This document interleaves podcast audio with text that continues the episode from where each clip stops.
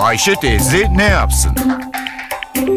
Güngör Uras, Ayşe teyze ekonomide olan biteni anlatıyor. Merhaba sayın dinleyenler, merhaba Ayşe Hanım teyze, merhaba Ali Rıza Bey amca. Trafik kayıtlarına göre Türkiye'de 1,5 milyon traktör var. Trafikteki 18 milyon motorlu aracın yarısı otomobil, 3 milyonu kamyon, daha sonra sayıları en fazla olan motorlu araç traktör. Traktör önceleri hem tarla sürmede hem de insan ve yük taşımada kullanılıyordu. Şimdilerde daha çok tarla sürmede kullanılır oldu.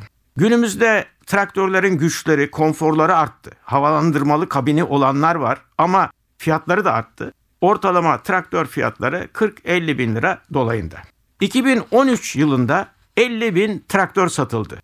Piyasada 20'den fazla marka traktör var. Türkiye'de 9 kuruluş değişik yerli katkı oranları ile traktör üretiliyor.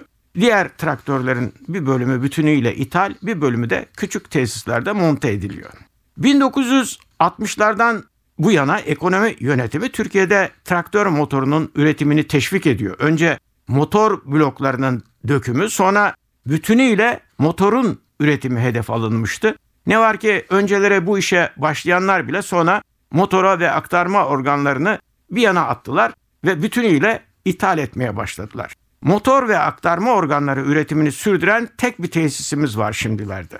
Bizim 1,5 milyon traktörümüzün yarısının yaşı 21'in üzerinde. Traktörlerde yenilenme gereği var. Devlet hurda teşviğiyle yenilemenin önünü açacak ama hurda teşviği devlet katkısı ile traktör talebinin canlanmasına her yıl bugünkü talebe ek olarak 25 bin dolayında ek talep yaratılmasına yol açacak. Traktör teşviği gibi önemli uygulamalar öncesi traktör üretiminde yerli katkının arttırılması, özellikle motor ve aktarma organları gibi çok önemli parçaların üretimine başlatılması konusuna ağırlık verilmesi önem taşıyor.